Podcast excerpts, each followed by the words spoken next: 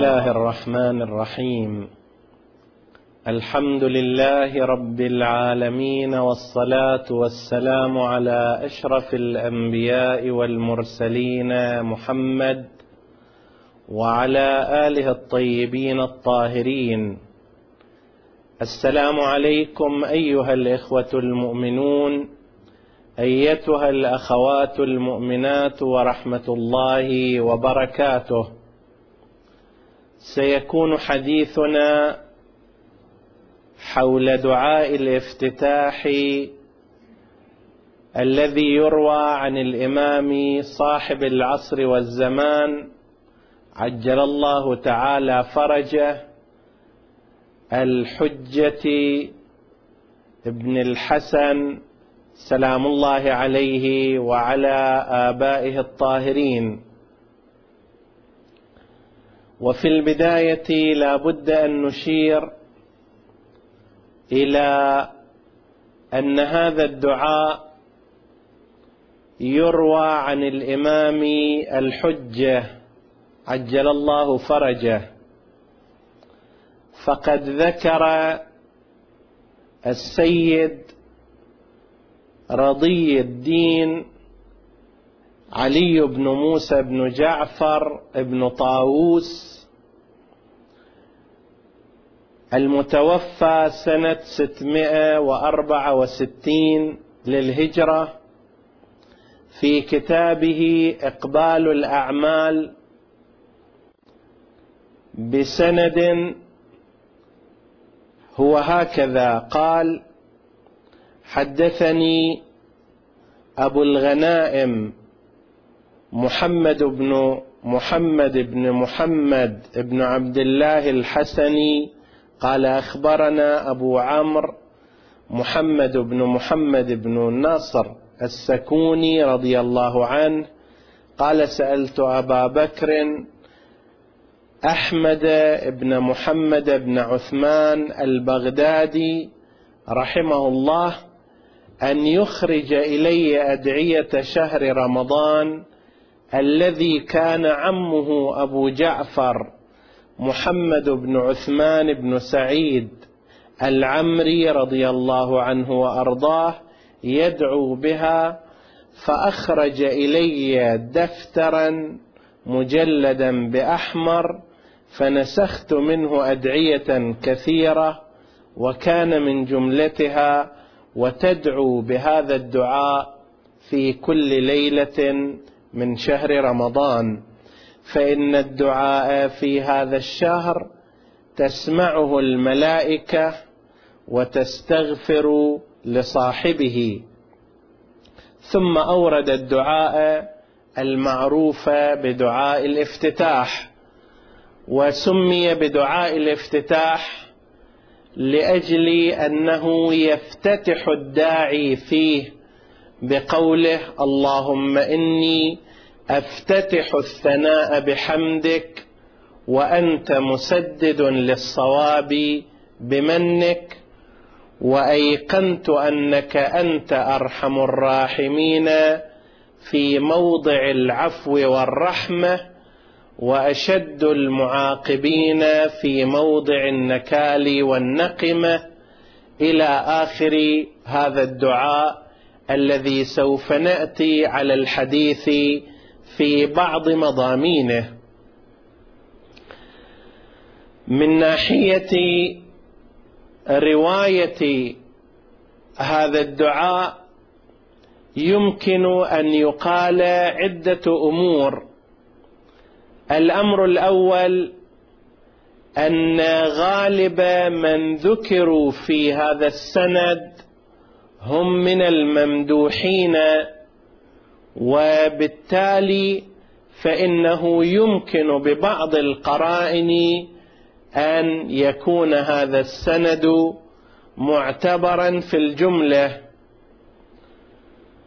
وهناك طريق آخر يستفيد منه عدد من العلماء وهو ما يعبر عنه بمسلك الوثوق بصدور الحديث والاطمئنان إلى صدوره من المعصوم. وآنئذ فلا يحتاج الأمر إلى تجشم عناء البحث عن السند فإنهم قد ذكروا أن الرواية أو الدعاء إذا تم الوثوق بصدوره عن المعصوم والاطمئنان إليه أمكن الاعتماد عليه كما هو مسلك عدد غير قليل من علماء الطائفة. كأن يذكر هذا النص في عدد من الكتب الرئيسية التي اشتهر أصحابها بأنهم يدققون في جهة صدور الأحاديث والنصوص عن المعصومين. أو أن يكون هناك قرائن أخرى تفيد المتأمل بصدور هذا النص من المعصوم عليه السلام. مثلما لو اعتمد عليه العلماء في فترات مختلفة من الزمان وتعاملوا معه على أساس أنه نص من النصوص الشرعية الصادرة عن المعصومين عليهم السلام. وهناك طريق آخر أيضا وهو ما يسمى في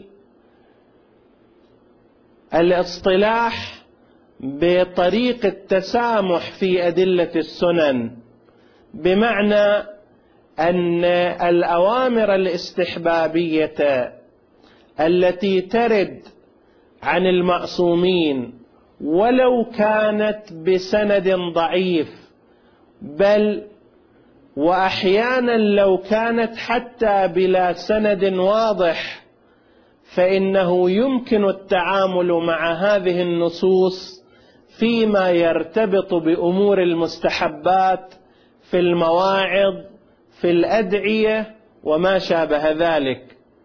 وبناء على هذا فإننا يمكن لنا أن نتعامل مع هذا الدعاء دعاء الافتتاح على هذا الأساس. ولذا ذكره عدد من علمائنا الأعاظم في كتبهم. فمن ذلك أن شيخ الطائفه الطوسي محمد بن الحسن أعلى الله تعالى مقامه وهو أحد المشايخ الذين تعتمد الطائفة على كتبهم. ككتابه تهذيب الأحكام ومن لا وعفوا والاستبصار. وله كتاب في الرجال وجلالته وعظمته أشهر من أن تحتاج إلى حديث. ذكر شيخ الطائفة الطوسي أعلى الله مقامه هذا الدعاء في كتابه مصباح المتهجد بعنوان دعاء كل ليلة من شهر رمضان. وكذا أيضا ذكره في كتابه التهذيب وهو كتاب فقهي استدلالي ذكره أيضا بهذا العنوان وإن لم يذكر له هذا السند الذي تحدثنا عنه. أيضا ذكره الكفعمي الشيخ تقي الدين الكفعمي المتوفى سنة تسعمائة وخمسة للهجرة في كتابه المصباح الذي هو معد لذكر الأدعية والأعمال المستحبة. وذكره أيضا العلامة المجلسي أعلى الله مقامه في كتابه بحار الأنوار العلامة المجلس المتوفى سنة 1110 للهجرة ونسبه في هذه الحالة إلى الإمام الحجة عجل الله تعالى فرجه الشريف. فإذا هذا الدعاء يمكن أن يتعامل معه على أساس واحد من المسالك الثلاثة باعتباره نصا من النصوص الواردة عنهم والتي يمكن أن يستفاد منها. هذا إضافة إلى ما يذكره بعض العلماء خصوصا من يذهبون إلى طريقة الوثوق الصدوري والإطمئنان بصدور الدعاء ما يذكرونه من فخامة المعاني الموجودة في هذا الدعاء ومن بلاغة الألفاظ الموجودة في هذا الدعاء وهذا لا يتيسر في الغالب إلا من أوتي علما ليس من سنخ العلم العادي الذي يملكه الناس أو العلماء أو الفقهاء.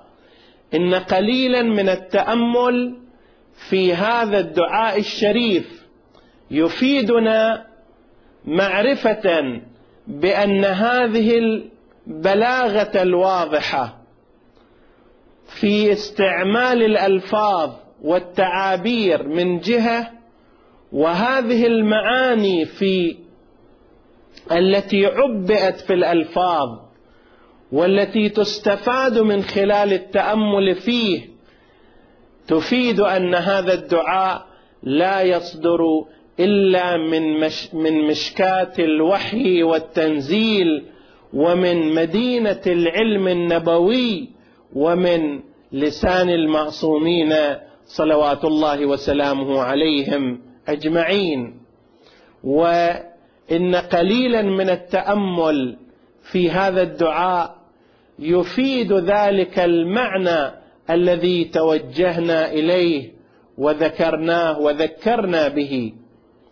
وهنا لا بد أن نلفت إلى قضية وهي أن علينا عندما نقرأ الأدعية عموما أن نتأمل فيها ونتفكر فيها ونتدبر في ألفاظها لأن هذه الأدعية هي مخازن معرفية وموائد علمية قدمها لنا المعصومون عليهم السلام من أجل أن نستفيد علما ومعرفة وفهما في القضايا الدينية إضافة إلى ان إلى كونها مدرسة تربوية أخلاقية وتنفع الإنسان في تربية نفسه وفي تعويدها على الخير وفي تحقيق عبوديته لله سبحانه وتعالى. أما القراءة التعبدية التي تنشغل بالألفاظ وتتعامل مع الحروف فقط وهمها يكون آخر الدعاء فإنها مع أنها لا تخلو من الفائدة بمعنى الثواب والأجر الأخروي لمن قرأ هذا الدعاء إلا أنها لا تحقق الثواب الأكمل من جهة ولا تحقق الفائدة العظمى من جهة أخرى. إن الدعاء كالقرآن الكريم وكالحديث النبوي لا ينتفع به الإنسان انتفاعا كاملا إلا إذا تدبر فيه وتأمل في معانيه وحاول أن يسعى لتحقيق تلك المعاني في حياته العملية. نسأل الله سبحانه وتعالى أن يوفقنا إلى التأمل والتدبر والاستفادة من هذه النصوص الشرعية حتى نحقق في أنفسنا حقيقة العبودية التي أرادها الله سبحانه وتعالى لنا وصلى الله على محمد وآله الطاهرين.